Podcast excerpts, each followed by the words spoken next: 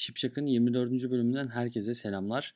Türkiye'nin ilk fotoğrafçılık podcastına hoş geldiniz. Fotoğrafla alakalı tüm gelişmeler ve fotoğrafçılıkla alakalı bilinmesi gerekenleri bu programda bulabilirsiniz. Geçtiğimiz programda aynalı ve aynasız fotoğraf makinalarını incelemiştik.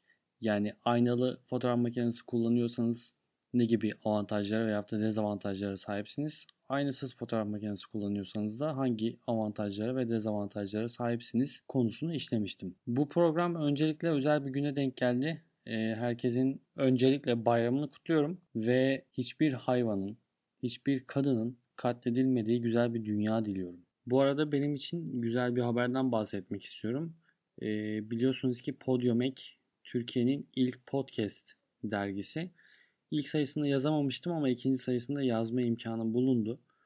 Ağustos'ta ikinci sayımız çıkacak. Ben de orada yazdım. Takip etmenizi öneriyorum. Nasıl bu işe başladığımı, e, fotoğrafçılıkla alakalı ne amaçladığımı, hedeflerimi ve kimlerle nasıl iletişimde olduğumu anlatan küçük bir yazı yazdım orada da. Meraklarına bu yüzden duyurulur. Gelelim bu haftaki konumuza. E, ben bu haftaki konumuzda renklerle alakalı yani fotoğrafta renk kullanımı ve fotoğraftaki rengin fotoğrafta kullanacağımız rengin daha doğrusu bizim için ne gibi bir anlamı var? Doğru rengi nasıl elde edebiliriz ve onu editlerken nasıl yöntemler kullanırız? Bunu konuşmak istiyorum bu programda. Bu yüzden öncelikle renk nedir? Aslında bunu konuşmamız gerekiyor. Yani rengin tanımını kısaca yaparsak hatta bu aslında fotoğrafçılar için temel aydınlatma bilgisine giriyor. Renk nedir ve ne anlama gelir? Şimdi renk belli bir dalga boyundaki veya hani o frekansında ışık veya dalga boyu karışımı gözümüzdeki retinaya çarptığında hissettiğimiz sübjektif bir duygu. Renk algısı beynimizde oluşan bir şey aslında. Bu nedenle renk bir madde veya enerjinin fiziksel varlığı değildir. Renk bizi psikolojik ve duygusal olarak da etkiler. Renkleri ve bunların önemini nasıl tarif ettiğimiz kültürel altyapımıza da bağlı aslına bakarsanız ve bu durum sürekli bir değişim içinde. Genelde güneş ışığı içinde 7 veya 8 farklı renk algılıyoruz. İnsan gözündeki retina konik biçimli 3 farklı renk reseptörüne sahip. Bu reseptörler kırmızı, yeşil ve mavi ışığa hassaslar. Yani biz bunlar aslında günümüz çağında, dijital çağlarda RGB olarak adlandırıyoruz. Red, green, blue. Kırmızı, yeşil ve mavi. Tüm gölge ve renk tonları bu üç temel rengin karışımından türetiliyor. Renkleri tanımlamak için birçok farklı model kullanıyoruz. Bunlardan bir tanesini zaten söyledim. Bu RGB bir tanesi Red, Green, Blue. İşte CMYK kullanıyoruz. HSV kullanıyoruz. XYZ yani renk alanı. RAL kullanıyoruz, Munsel vesaire birçok farklı model kullanabiliyoruz. Ancak bu modellerden hiçbiri ışığın duygusal etkisini dikkate almıyor.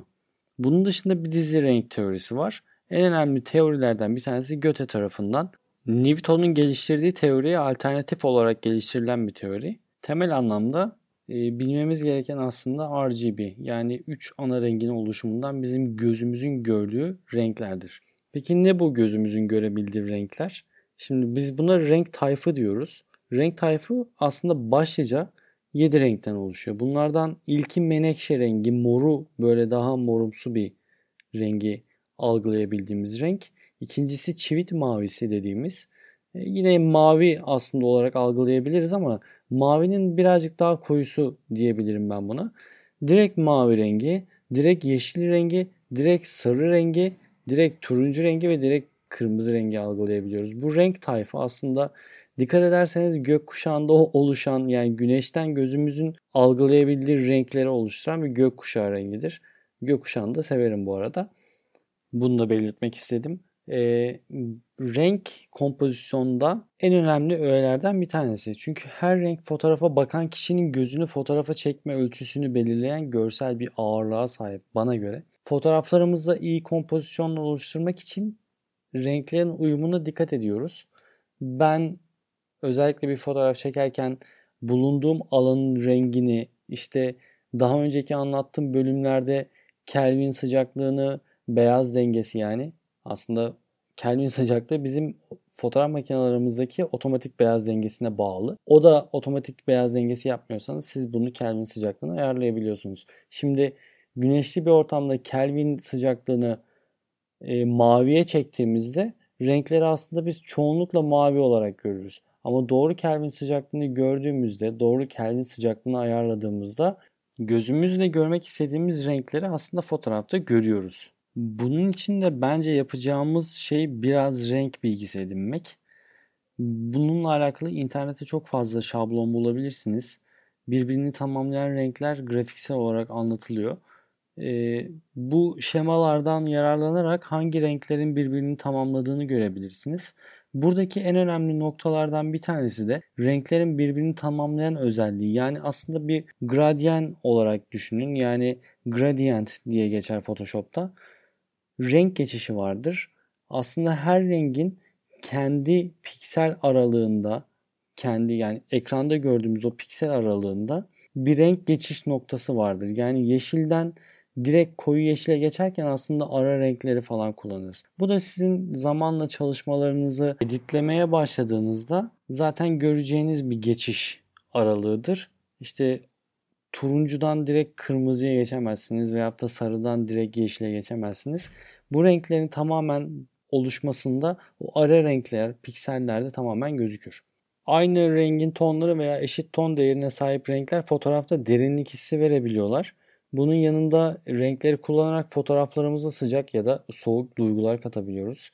Ya da siyah beyaz black and white dediğimiz ya da sepia dediğimiz çok fazla ton katabiliyoruz. Örnek olarak mavi ve tonları soğuk ve kış mevsimini hissettiriyorken kırmızı bir güneş veya sarı kumlar ya da turuncu sıcaklık hissini aklımıza getirebiliyor. Ancak bazı durumlarda e, fotoğrafçının içgüdüleri e, kendi inisiyatifi hatta diyeyim bunu kullanması çok farklı renklerle ilgi çekici ve göze hoş gelen fotoğraflar elde etmesini de sağlayabiliyor. O yüzden ben renk konusunda aslında fotoğraf çekerken o ortamda bulunan kişi fotoğrafçı olduğu için nasıl ayarlama yapmasını, nasıl editleme yapması gerektiğini zaten fotoğrafçı kendisi çok iyi bilir. Ne rengi görüyorsa, hangi rengi görüyorsa daha doğrusu ona göre editleme yapması gerektiğine inanan birisiyim ben mesela bir tane ürün fotoğrafı çekerken ürünü ben gördüğüm için sonrasında renk ayarını ben yapmalıyım ki doğru bir şekilde renk ayarı yapabilmeliyim. Çünkü zamanında çok fazla bununla alakalı sıkıntılar yaşadım. Mesela başka bir fotoğrafçısı tarafından çekilmiş ürünün bana gelmesi ve bunun e, dekupe edilmesi, renk ayarının yapılması gibi işlemlerden geçilmesinden bahsediyorum. Ben ürünü şimdi çok iyi tanımadığım için fotoğrafta fotoğrafın çekilme aşamasında fotoğrafın doğru çekildiğini kabul ediyorum mesela. Fotoğrafın doğru çekildiğini kabul ettikten sonra o rengin aslında doğru olmadığını editleme ve dekupe yaptıktan sonra öğreniyorum. Ve bu bazen çok büyük sorunlar yaratırken bazen çok büyük problemler de yaratmayabiliyor. Çünkü zaten e, şöyle bir durumla da karşılaşıyorsunuz. Genelde fotoğrafını çektiğiniz kişi veya da ürün veya da manken veya da her kimse Zaten o anın rengini, her şeyini, kompozisyonu siz ayarladığınız için bir fotoğrafçı olarak genellikle konunun tamamına hakimsiniz diyebilirim. Yani %90 o ortamın rengine, o ortamın ışığına, o ortamın beyaz dengesine her şeye siz hakimsiniz ve sonrasında editleme yaparken rahat olabiliyorsunuz. Bence en önemli detaylardan bir tanesi de bu. Zaten siz başından sonuna kadar her şeyi kontrol ediyorsanız rengi de pozlamayı da yani doğru pozlamayı da istediğiniz şekilde ayarlayabiliyorsunuz. Peki fotoğrafı çektik. Doğru renkleri nasıl görüntüleyebiliriz? Şimdi her görüntü elemanı renkleri sayısı olarak belli bir modele göre ifade ediyor. Peki örnek olarak dijital fotoğraf makinesinde çekilen bir fotoğrafın evimizdeki monitörde ya da baskı yaptığımız yazıcıda doğru ifade edilmesini nasıl sağlayacağız? Görüntü ekipmanları yani tarayıcılar, dijital fotoğraf makineleri, monitörler ve baskı makineleri ya da yazıcılar farklı farklı üreticiler tarafından farklı kalite ve özelliklerde üretilirler. Bu nedenle bu cihazların renkleri oluşturabilme ve görüntüleyebilme yetenekleri fotoğrafın doğru renklerde elde edilmesi dijital ortamda görüntülenmesi ve baskısının alınması aşamalarında etkili oluyor. Çok kaliteli bir fotoğraf makinesi ile çektiğiniz ya da çok kaliteli bir tarayıcı ile taradığınız bir fotoğrafın renk yönetimi yapılmamış bir monitörden izlenmesi ya da yine renk yönetimi yapılmamış bir yazıcıdan baskısının alınması orijinal fotoğraftan farklı renklerde bir sonucu elde edilmesini sağlayacaktır. Ancak renk yönetimi yapılmış bile olsa her görüntü ekipmanını renkleri aynı kalitede gösteremez. Hepsinin renkleri ifade etme hassasiyeti çok farklı. İşte iyi kullandığınız bir makine var. Yani iyi kalitede kullandığınız bir makine var. İyi kaliteden derken makinenin kendi kalitesinden bahsediyorum.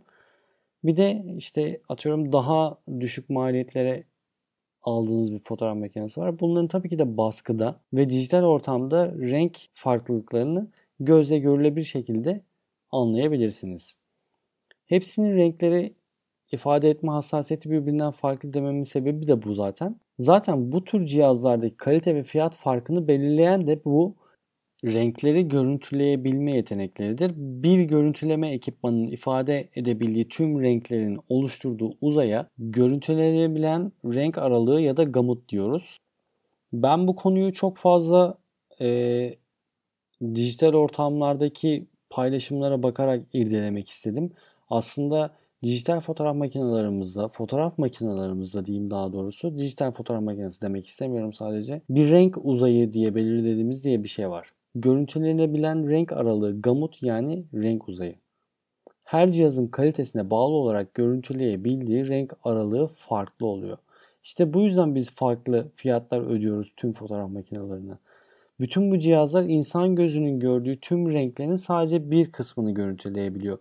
İnsan gözünün görebildiği tüm renklerin oluşturduğu uzayı 1931 yılında CIE modellemiştir. 1976 yılında bu model gözün ışığa duyarlılığının logaritmik olmasını da göz önüne alarak yeniden revize edilmiş ve CIE Lab denen renk uzayı ortaya çıkmıştır. Bu insan gözünün gördüğü tüm renkleri kapsıyor ve hiçbir elektronik cihazın görüntüleyebildiği renk aralığı bu uzayın tamamını kapsayamıyor. Yani hiçbir elektronik cihaz insan gözünün görebildiği renklerin tamamını birden gösteremiyor. Çoğunuz dikkat etmişsinizdir. sRGB renk uzayı diye bir şey vardır ve Adobe RGB diye de fotoğraf makinelerinizin çoğunda menülerinde görebilirsiniz. sRGB renk uzayı genel olarak görüntü işleme programlarının ve monitörlerinin kullandığı renk uzayıdır. Dijital fotoğraf makinelerinin varsayılan renk uzayı da sRGB'dir. İnternete fotoğraf koymak istediğinizde bu renk uzayı tam size göredir. Çünkü birçok web programı sRGB'den başka renk uzayını doğru görüntüleyemiyor. Şimdi bu sRGB renk uzayının belli bir sınırları var. Bunun dışında kalan renkler daha doğrusu bunun dışında kalan renkleri görüntüleyen cihaz tarafından bu uzayın içinde kalan en yakın renge çevriliyor. Ancak bunun için çevrilecek rengin hangi uzayda olduğunu biliniyor olması gerekir. Yoksa renk yanlış çevrilir ve istenenden farklı bir renk görüntülenebilir. Bir de Adobe RGB renk uzayından bahsetmiştim. Makinalarımızın menüsünde yer aldığından bahsetmiştim. Adobe firması tarafından geliştirilmiş bir renk uzayıdır. sRGB'den daha geniş bir renk aralığını kapsıyor. Ancak bütün programlar bu uzaydaki renkleri doğru göstermeyebiliyor. Adobe dışındaki firmalar tarafından üretilen görüntüleme programlarından bahsediyorum bu arada. Genellikle baskısı yapılacak fotoğrafların bu uzayda olması öneriliyor. Artık çoğu fotoğraf makinelerinde siz de renk uzayı olarak sRGB ve Adobe RGB renk uzayı ayarlarını bulabiliyorsunuz. Artık hani görmüşsünüz siz de belki görmüşsünüzdür diye söylüyorum. E, firmaların renk kapasitelerini tanımlayan başka renk uzayları da bulunuyor. Bunlardan birkaç tanesi Profoto RGB, Color Match RGB ve Swap diye bilinen bazılarıdır. Renkleri gösteren her cihazın bir gamutu yani gösterebildiği renklerin oluşturduğu bir uzayı var. Bu uzayın hani çok geniş bir kapsamlı, e, çok kafa karıştırıcı bir şey olduğunu düşünmeyin. Her üreticinin, her firmanın kendine ait bir renk gamı var. Bu renk gamıyla çektiğiniz fotoğrafları birleştirip baskıya atabiliyorsunuz. Aslında yaptığımız işin en can alıcı noktalarından bir tanesi bu tabii. Yani fotoğrafı çekmekle bitmiyor her şey. Tabii ki de biz fotoğrafı sadece dijital ortamlarda kullanıyor olabiliriz veyahut da baskıya atıyor olabiliriz. İşte bu tarz durumlarda tüm renk gamını, tüm renk ayarlarını bilmemiz çok büyük bir önem taşıyor. Bu yüzden yaptığımız tüm renk ayarları baskıda alacağımız renklerin kaliteli olmasını sağlayacaktır. Her zaman bunu aklınızdan çıkarmayın. Şimdi ben kısaca çok kısa hatta e, renk ayarı yaparken nelere dikkat ediyorum? E, özellikle Photoshop kullandığımda çektiğim orijinal fotoğrafın RAW dosyasını işlerken hangi renk tonlarını nasıl kullanıyorum onlardan birazcık bahsetmek istiyorum size. Ee, öncelikle fotoğraf makinesinin çektiği format işte NEF olabilir Nikon'larda. Canon'larda ben genelde RAW kullandığım için Canon makinelerin RAW formatından bahsedeceğim. Photoshop'ta zaten bulabilirsiniz kamera RAW yüklediyseniz. E, kamera RAW'un en büyük özelliklerinden, benim en sevdiğim özelliklerinden bir tanesi zaten mercek düzeltmesi. Mercek düzeltmesi yaptığımda kromatik aberasyonu kaldırıyorum ve profil düzeltmelerini etkinleştiriyorum. Bu durumda e, hangi makineyle çektiğiniz, hangi lense çektiğiniz, lensinizin modeli, diyafram açıklığına kadar her şeyi görüntüleyebiliyorsunuz bu menüde. RAW formatında. Temel en basic ayarlara geleceğim. Fotoğrafın Kelvin sıcaklığını ayarlayabildiğiniz bir sıcaklık dengemiz var. Bir de renk tonunu ayarlayabildiğimiz bir renk tonu ayarımız var. Bu renk tonu ayarını ve sıcaklık ayarını yaparken Kelvin derecesine çok önem vermeliyiz. Ee, onun dışında yapmamız gereken en önemli ayarlardan bir tanesi fotoğrafın doğru pozlanıp pozlanmadığı. Bunun için de pozlamaya önem veriyoruz. Daha sonra kontrast ayarlarını, açık tonları, gölgeleri, her türlü ayarını yapabildiğimiz bir program. Bunun için çoğu arkadaşım Lightroom kullanıyor. Lightroom da hemen hemen aynı özellikleri taşıyor kamera RAW'la. E, Lightroom'da çok daha farklı efektler de katabiliyorsunuz. Ama basic olarak kamera RAW'u kullanırsanız çektiğiniz fotoğrafın ham bir fotoğraf olduğunda RAW formatında çektiğinizde tüm renklerini yeşilinden sarısına, mavisinden moruna her rengini ayarlayabiliyorsunuz. Burada önemli olan en büyük nokta fotoğrafı çekerken kullandığınız makinenin size sağladığı kalite. Bu kaliteye doğru oranla fotoğraftaki tüm renklere ayrı ayrı işleme yapabiliyorsunuz. Yani sarıyı açabiliyorsunuz, kısabiliyorsunuz, doygunluğunu, ışıklığını, tonunu, her türlü renk ayarını yapabiliyorsunuz. Önemli olan kamera RAW'u kullanırken birincisi doğru pozlama, ikincisi pozlamayı ayarlama, üçüncüsü de doğru renk ayarlarını çektiğiniz ortama göre bakıp tekrar ayarlamak. Benim en çok yaptığım işlemlerden bir tanesi bu. Yani ben bir işlem yapıyorken, renk ayarı yapıyorken öncelikle çektiğim ortama, fotoğrafı çektiğim ortama bakıyorum ve daha sonra çekilen fotoğrafa bakıp doğru renk ayarlarını bu kamera RAW menüsü üzerinden yapıyorum. Benim için çok yararlı bir menü. Bu alanda istediğim her türlü renk ayarlarını yapıp kameramın lensinin ayarlarını da yapıp daha sonra Photoshop'ta açıp fotoğrafı istediğim bir şekilde retouchlayıp editleyebiliyorum. Kısaca konuyu toparlamam gerekirse siyah beyaz çekilmemiş her fotoğraf için tek önemli bir bileşen var. O da renk. Şunu da söylemem gerekiyor ki fotoğraf makinelerinin çalışma prensibi beyaz dışında tüm renkleri yakmaktır. Bunu ben daha önceki programlarımda da belirtmiştim. Fotoğraf makinesi çekim yaparken beyazı algılar, beyaz dışındaki tüm renkleri yakar ve o renkler bize fotoğrafı oluşturur. Yani aslında bizim gözümüzle gördüğümüz her renk fotoğraf makinesinin çalışma prensibini oluşturuyor. Yani beyaz dışındaki her renkten bahsediyorum. Beyaz dışındaki her rengi yakan bir fotoğraf makinesi demek tüm renkleri gözümüze ulaştırması demektir. Bugünkü renkler konusuna burada son vermek istiyorum. Umarım anlaşılabilir bir şekilde renkler konusunu ifade etmişimdir. Hepimiz renkleri seviyoruz, renklerin aşığıyız. Renkler yoksa çektiğimiz fotoğrafında bir anlamı olmadığını düşünüyorum kendimce. O zaman artık bu kadar diyorum. Fotoğrafınız net, ışığınız bol ve renginiz de bol olsun. Son olarak beni UG Sengol Sipsakpot linkinden Instagram'da takip edebilirsiniz. Soru, görüş ve önerileriniz için de sipsakpot.gmail.com adresine mail atabilirsiniz. Bay bay.